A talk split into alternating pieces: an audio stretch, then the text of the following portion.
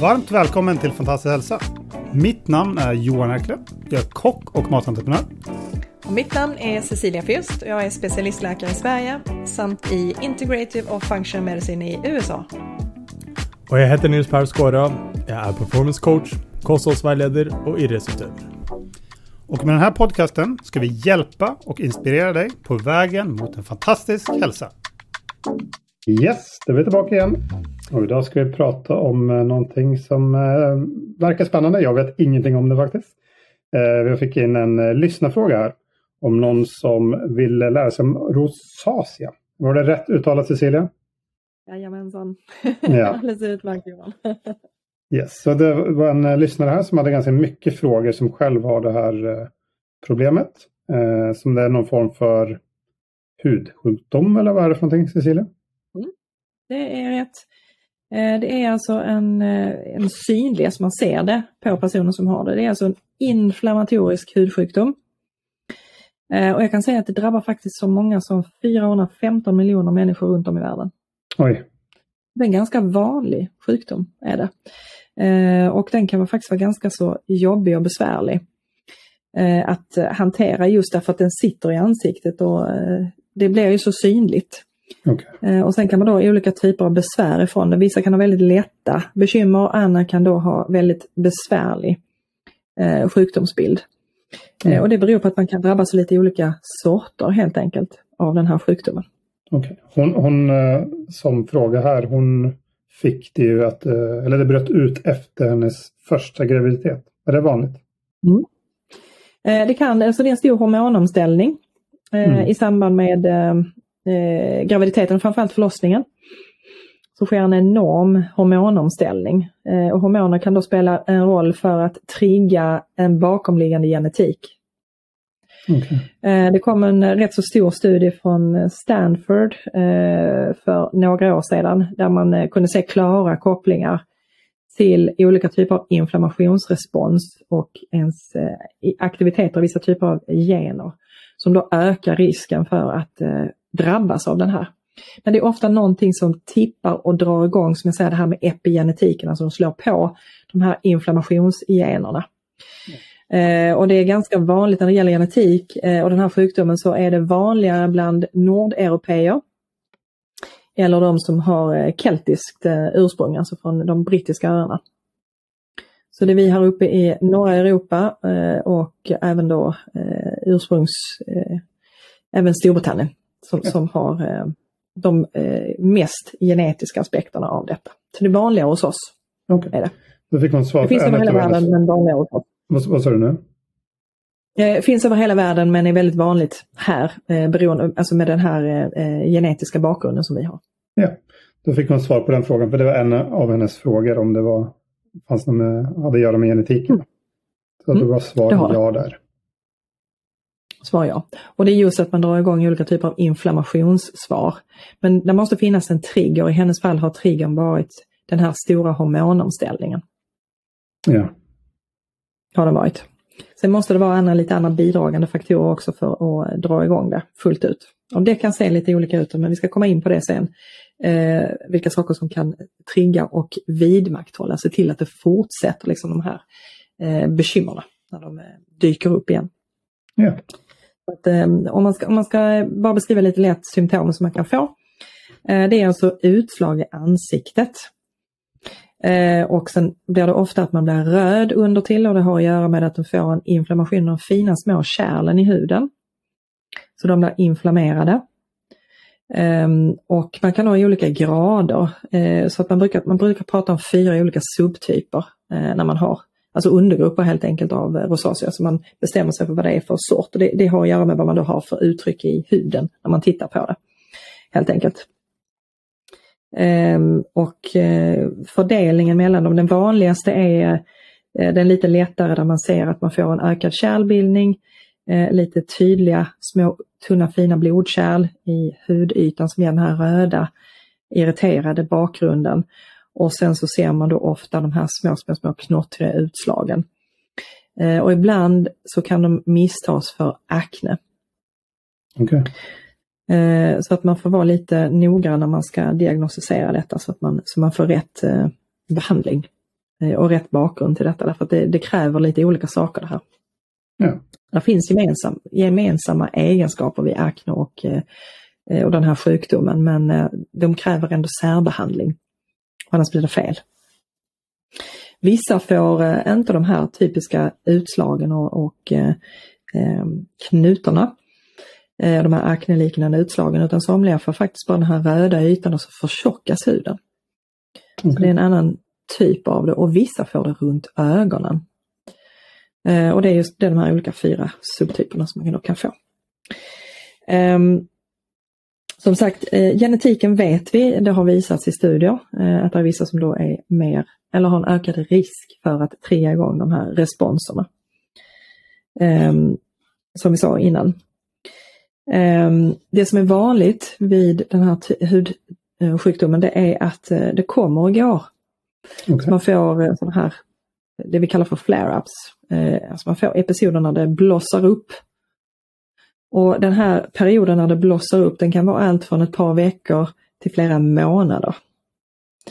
Så det kan vara från fyra, fem veckor upp till fem månader, fem, sex månader. Så det är ganska jobbigt Ehm, och ha det här. Och ansiktet är ju, du möter folk, du, du träffar folk, det är inte så himla skoj att ha en massa utslag i ansiktet och, och eh, känna att eh, huden känns obekväm. Därför att du får också ofta stickningar, bränningar, eh, det kliar och irriterar i huden. Så det, det, är en ganska så eh, jobbig eh, sjukdom faktiskt. Ja det är det, det är, den är faktiskt eh, besvärlig. Är det. Ehm, finns det något man kan göra åt detta? Uh, det finns det. Uh, definitivt. Vi vet att det man måste försöka komma åt är den här underliggande triggerfaktorn. Och där måste man ofta gå in och titta lite och se vad som kan ligga bakom de här triggningen av immunförsvaret och inflammationsprocesser som framförallt är kopplade till kärl-kärlväggar. Ehm, och ehm, då är det lite olika saker man kan försöka identifiera hos sig själv. Ehm, man kan börja med att starta med att titta på sin kost och diet, helt enkelt hur ser den ut? Äter saker som liksom kan trigga igång ett inflammationsrespons eller eh, en kost som gör att eh, tarmen inte mår riktigt bra. Att du har ett läckage över tarmepitelet. Eh, att du har en tarmflora som är ogynnsamt sammansatt. Eh, alla de här faktorerna måste man eh, se till att få kontroll över. Om man ska ha en chans att lugna ner och stänga ner sjukdomen och likadant att hålla den borta.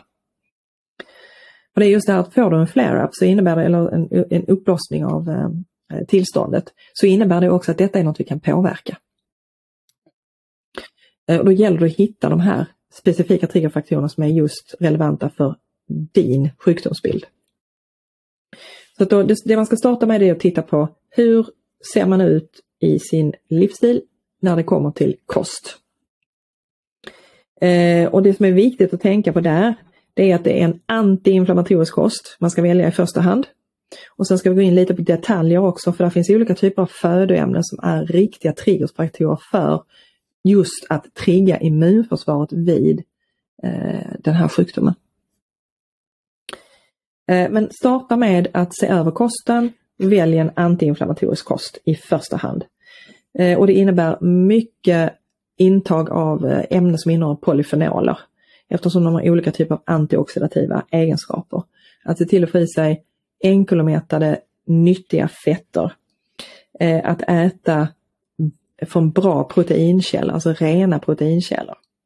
Och det innebär liksom inte att, att käka köttprodukter från djur som är uppfödda på eh, majs och eh, något annat sojaprodukter. Därför att det innebär att eh, det triggar dig. Så att välj kvalitet på det du äter. Jätte, jätteviktigt. Men du behöver proteinet men välj var det kommer ifrån. Um, man ska utesluta vissa saker som kan underlätta för den här infektionen att stanna kvar som det kan bli då i de här blodkärlen, för de kan bli både inflammerade och infekterade. Eh, och den en av de faktorerna som kan driva inflammationssvaret och eh, kan vara en underliggande infektion till exempel med Helicobacter pylori. Helicobacter ger vanligtvis eh, gastrit, alltså en irritation i magsäcken. Men den kan då trigga de här flare-upsen och blir du då inte av med den så ligger den hela tiden som en triggerfaktor i bakgrunden. Så det är någonting man ska ta reda på om man har och har man det så ska man se till att få bort det. Eh, så det är viktigt att, att tänka på. Ja. Ska du berätta um, hur man tar bort den? Eller är det något speciellt? Um, um, som eh, folk som lyssnar på det här, vår, våra poddar, så har de, eh, vet de ju det här laget att jag är inte jätte, jätteförtjust i antibiotika därför att det stör så många andra system utan här brukar jag använda mig av en kombination av örter som är antimikrobiella och som kan ta hand om eh, Helicobacter pylori. Ja. Utan att skada andra tarmbakterier. Så jag brukar använda mig av eh, en produkt som heter GI Microbe X. Och sen brukar jag också använda i kombination med den eh, eh helt enkelt organoljekapslar. Så de två i kombination brukar jag använda. Eh, och det innebär också att, eh, eftersom jag kommer komma till lite senare, du måste också ta hand om din matsmältningsfunktion och du måste också ta hand om ytan i tarmarna. Därför att underliggande här har man nästan till 99% ett läckage över tarmepitelet. Så du måste också se till att få i dig ämne som hjälper dig att få tillbaka fungerande tight junction som tät yta i tarmarna. Så att man inte får det här läckaget in och kan trigga inflammationscellerna som ligger på insidan under tarmytan. Och hon hade väl en fråga om vad, vad är det som händer i kärlväggarna? Um, det är helt enkelt så att eh, när immunförsvaret går igång så kommer det över molekyler i blodcirkulationen. Uh, och de här rackarna och, och, den här genetiken, uh, när de här cirkulerar och kommer ut i de här fina fina N-kapillärerna i huden i ansiktet eh, och fastnar där, det är då de triggar igång den här responsen i huden. Och därför är det så himla viktigt att man ser till att få ordning på mag-tarmkanalen och ytan så att det inte förekommer någon form av trigger på underliggande eh, immunförsvar och att den släpper iväg eh, olika typer av ämnen ut i cirkulationen där då de här kan fastna och dra igång en, en, eh, en eh, flare-up helt enkelt av eh, sjukdomen. Så där är, där är svaret på den frågan. Eh, en annan orsak till att det kan vara återkommande och trigga rosacea det är SIBO. Och SIBO har vi pratat om tidigare. Så det är också någonting som man i så fall ska utesluta. Eh, och har man den så ska man åtgärda det för att det är det återigen det här. Har vi inte koll på vad som förekommer och försiggår i mag-tarmkanalen så kan vi alltså inte läka ut detta. Ja. Eh, och jag kan ju tala om att jag hade det under min utbildning. hade, jag detta. Sen har jag aldrig haft det okay, igen. Eh, och jag hade ganska mycket. Ja. Det hade jag. På den tiden så visste man ju inte. Eh, så att eh, det var ju, där började jag leta för, på egen hand. Eh, och så småningom som sagt när jag hamnade inom detta området så, så visste jag ju vad jag skulle börja göra åt det. Och som sagt sen dess har jag inte haft det. När du ser din utbildning, något... som vanlig doktor eller som funktionsmedicinsk? Ja, precis. När jag kom till USA och började den här utbildningen istället. Mm. Och fråga en grej där om SIBO också. För dels så hade de lyssnat på avsnitt här kände, och hade hört lite att det kan vara någon orsak. Men så undrar de också på om man enkelt kan beskriva hur det kan börja i tunntarmen som SIBO och leda leder till rodnader i ansiktet. Det är ganska mm. långt ifrån varandra. Mm. Eh, men det är just det här som jag pratade om tidigare. Därför att vad som händer i eh, tarmkanalen när du har eh, SIBO, det är helt enkelt att du får olika typer av bakterier som inte ska vara där. Och de frisätter olika typer av ämnen som kommer att påverka genomsläppligheten i tarmarna. Och när du får en ökad genomsläpplighet genom de här tight junctions, då börjar det titta in molekyler på insidan där immunförsvaret finns som ligger precis strax under ytan. Så att då helt plötsligt så kommer det in ämne som inte ska komma åt immunförsvaret som ligger precis under ytan i tarmarna. Och då börjar immunförsvaret att reagera därför den känner av att här finns någonting som inte ska vara här. Det här är inte bra, det här måste jag göra någonting åt. Och då drar det igång immunförsvaret. Och då kommer det bildas olika typer av kemiska signalmolekyler inklusive eh, olika typer av immunoaktiva komplex. Och de här komplexen, det är de som kommer ut i cirkulationen. Och de kommer att cirkulera runt tills dess att din kropp kan hantera och bryta ner dem. Och tyvärr är det så att de här är inte så himla lätta att göra sig av med så de kommer finnas i cirkulationen ett tag. När de väl hamnar i ändartärerna i ansiktet där du har din känsliga punkt så kan du då trigga en viss typ av respons om du har den här genetiken. Så då fastnar de här eh, ämnena eller molekylerna, immunokomplexen, ute i de här ändartärerna och när de fastnar där så kommer de att börja rekrytera vita blodkroppar, cytokiner och sen har det dragit igång en inflammationsrespons. Så där har det liksom, hur tar det sig från tarmarna till huden? Det är förklaringen. Fick du svar på det också? Mm. Eh, så att det måste man, har man det måste man åtgärda det för annars kommer vi inte att kunna göra någonting åt de här eh, återkommande besvären. Mm. Ett annat område som man måste titta på det är födoämneskänsligheter. Eh, vet du om att du är allergisk så är du naturligtvis uteslutet, för då har du redan uteslutit vissa ämnen eh, om du har eh, bildat en allergi mot någonting. Men Födoämneskänsligheter är en annan sak. Det är, det är en långsam respons. Det är sånt vi inte alltid har koll på. Därför att vi får inte så jättemycket symptom av det. Och då är det ingenting man, man bryr sig om att titta efter. Och eftersom det inte är något farligt tillstånd så mäter man inte det i vanlig sjukvård. Men de kan vara en underliggande triggerfaktor till att det här hela tiden återkommer. Eh, så att ta reda på om man har någon födoämneskänslighet, och det vi brukar kalla intolerans, och det har vi pratat om också i andra avsnitt. Det är en jättebra eh, test att ta också för att ta bort de ämnen som man inte har, går omkring och äter någonting som man faktiskt inte mår bra av och som triggar mat, tarmkanal och immunförsvar. De måste bort. Och det har man kunnat se i många kliniska studier att har man kunnat komma åt det och ta bort triggerämnena så har man kunnat få utläkning i en så stor population som bland 700 patienter så fick man en utläkning hos 78 procent. Så pass. När man, när man kom åt det. Så att det är en väldigt, väldigt kraftig triggerfaktor. Ja. Födoämnesintoleranser. Men till skillnad från de testerna, för man har vi pratat sist, det är ingenting man får i skolmedicinen tyvärr. Nej, tyvärr är det inte det, varken i Sverige eller Norge. Nej, så då måste man uppsöka någon som jobbar som du gör. Precis, precis. Sen vet vi att vissa födoämnen innehåller och utsöndrar ämne som kan försämra eh, den här sjukdomen. Ehm, och, som, och har man haft det någon gång så vet man att värme, eller snarare växling mellan extremtemperatur och kallt och varmt kan trigga igång det. Ehm, alkohol kan trigga igång det. Kapsaicin som du hittar i chilifrukter kan trigga igång det. Mörk choklad kan trigga igång det. Ehm, kaffe kan trigga igång det. Ja. Ehm, så att de här och, och, vin, inte minst vin, eh, ska man tänka på också. Mm. Ehm, och sen har vi då en liten grupp här som då vi har pratat om tidigare också, det är att vissa då har en bekymmer med att bryta ner histamin. Så det är också någonting man måste få kontroll på. Har jag bekymmer med histamin då ska jag undvika histaminhöga eh, födoämnen. Så ska okay. man gå på låghistaminkost. Men det, då måste man veta. påverkar också det här, det här tillfället? Gör det. Mm. Det gör att du får bekymmer att hantera det här läckaget över tarmepitelet. Ja. Eh, så att eh, därför kan man ibland behöva, hos de som är då, har svårt att bryta ner histamin så måste man också hantera det.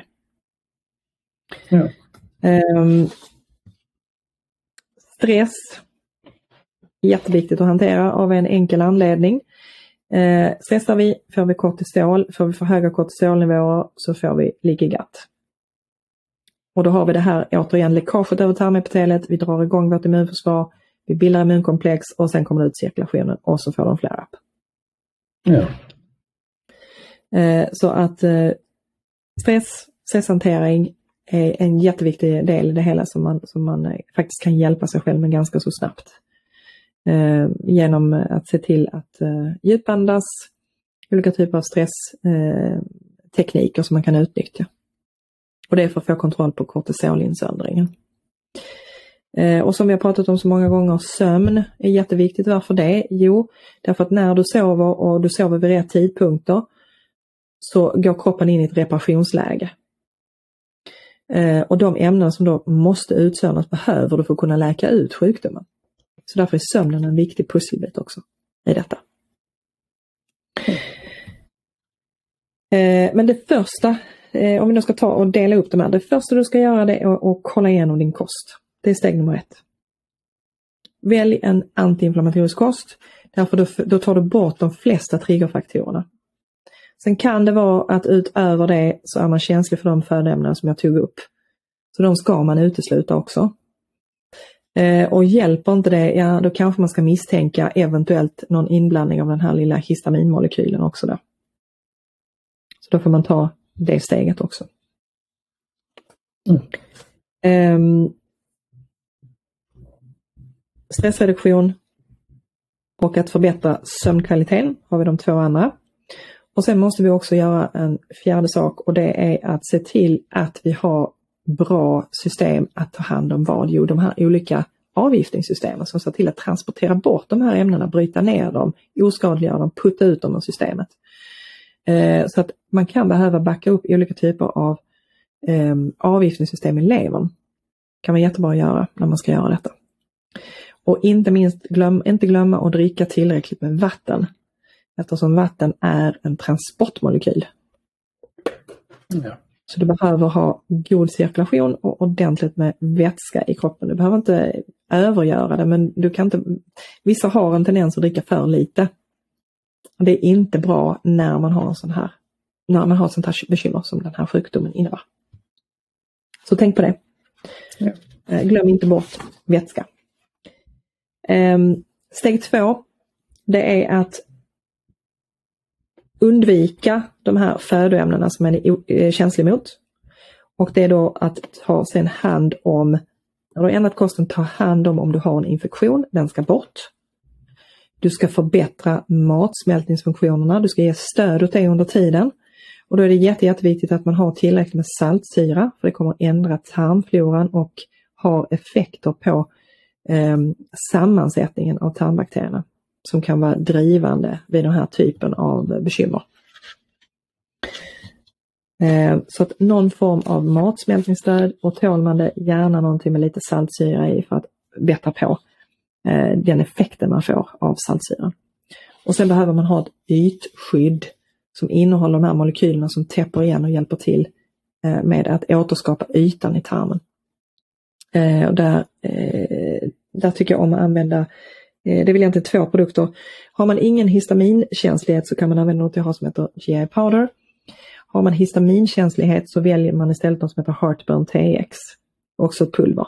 Eh, och den tål de som är histaminkänsliga. Okay. Ehm, så där har vi eh, det här att ta hand om infektionen och då, har vi, då sa vi att där har vi två framförallt som är jättebra. Det är då GM Microbex och eh, oreganoolja. Ehm, um, det är två ämne som man kan använda om man får en flare-up och innan man liksom hinner göra alla de här sakerna. Eh, så kan man med fördel utnyttja berberin och EGCG. Därför att båda de två stänger ner de här eh, inflammationsresponserna som ofta ligger bakom den genetiska aspekten av eh, eh, rosacea. Okay. Så det kan hjälpa en igenom de här perioderna. Eh, och dels minska eh, effekten av det och sen också underlätta den här övergången när man ska liksom reparera.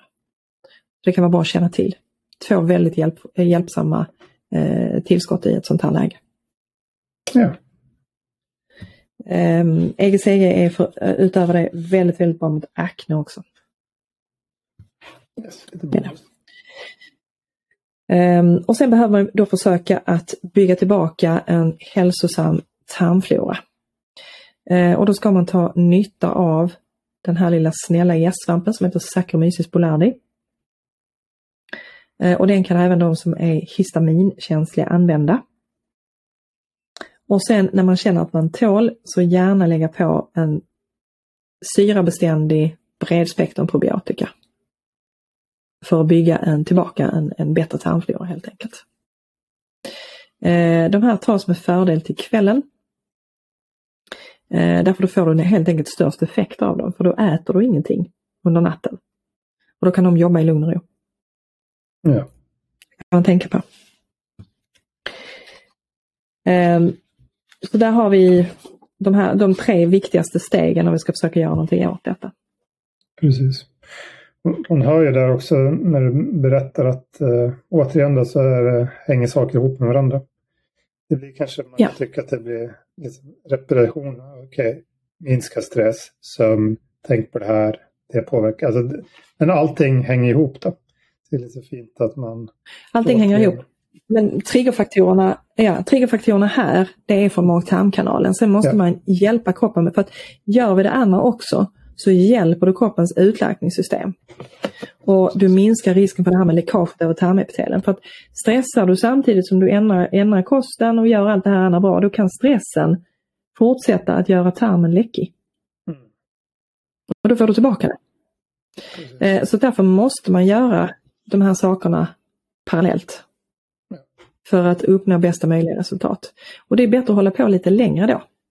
Tills man når målet. Man försöker påverka alla de här för det kommer att hjälpa dig i det långa loppet att faktiskt se till att inte få de här eh, återkommande bekymren. Mm. Ja, hon som frågade om det här, hon, eh, dels sa hon att hon hade läst på väldigt mycket och hon hade redan tagit bort gluten och processad mat och onaturliga grejer och ätit väldigt lite socker. Så hon sa, skrev att hon har blivit bättre men att problemen fortfarande kvarstår. Så, ja, och då måste man in och... Ja, eh, då, då, måste man in i de här andra områdena som vi har pratat om här idag. Ja. Så där fick hon ju massa eh, nya så. tips. Då. Så då borde det väl kunna bli bra det här. Det tycker jag. Eh, där finns saker här som hon kan då lägga till och börja använda utöver det hon redan har gjort. Så att gärna använda sig till exempel av en AIP-kost. Eh, minst, jag skulle rekommendera att man kör mellan eh, 6 och 8 veckor. Ja. Eh, för att få riktig ordning på det. Okay. Och så eh, pratar du också där, vi har ju flera avsnitt, du pratar bland annat om histamin, ett av våra mest populära avsnitt, det är nummer 30. Så eh, man kan också gå in och lyssna på tidigare avsnitt som till exempel den med sömn som du pratar om. Då har vi ett avsnitt som är 95 och så har vi, vi pratat om allergier och intoleranser tidigare. Vi har ju också pratat om inflammation och SIBO som hon nämnde. Så att jag, mm. jag tänker om man vill ha en djupare förståelse så är det också fint att man ser på, eller lyssnar ja. på dem också. Då. kan man göra, definitivt, absolut. Precis. Ja, men bra. Är, är vi nöjda för idag? Jag tycker att eh, hon har fått bra svar på det hon frågade efter i alla fall. Mm. Eh, och som sagt, ge inte upp utan... Hon frågade också om mm. krämer. Had, eh, har du eh, ja, Eh, man, kan, man kan använda det helt enkelt för att underlätta symptomen. Eh, men det är just det, det är symptomlindring. Det läker inte ut det därför att det kommer inifrån. Ja. Men det är ganska skönt att kunna ha någonting ibland för att dämpa ner det och snabba på så att det inte ser så hemskt ut i ansiktet, man känner sig bättre helt enkelt. Eh, och därför man, man får lite prova vilken som funkar för en, men där finns, där finns eh, tre stycken som man brukar använda. Den heter, ena heter Finacea, den andra heter eh, eh Solantan och den andra heter Rosex. Okay. Så att de tre är, där får man prova lite vilken som funkar bäst för en. Det, bruk, det beror lite på vilken av de här olika typerna man har. Men det kan man gå till en, en hudläkare och diskutera.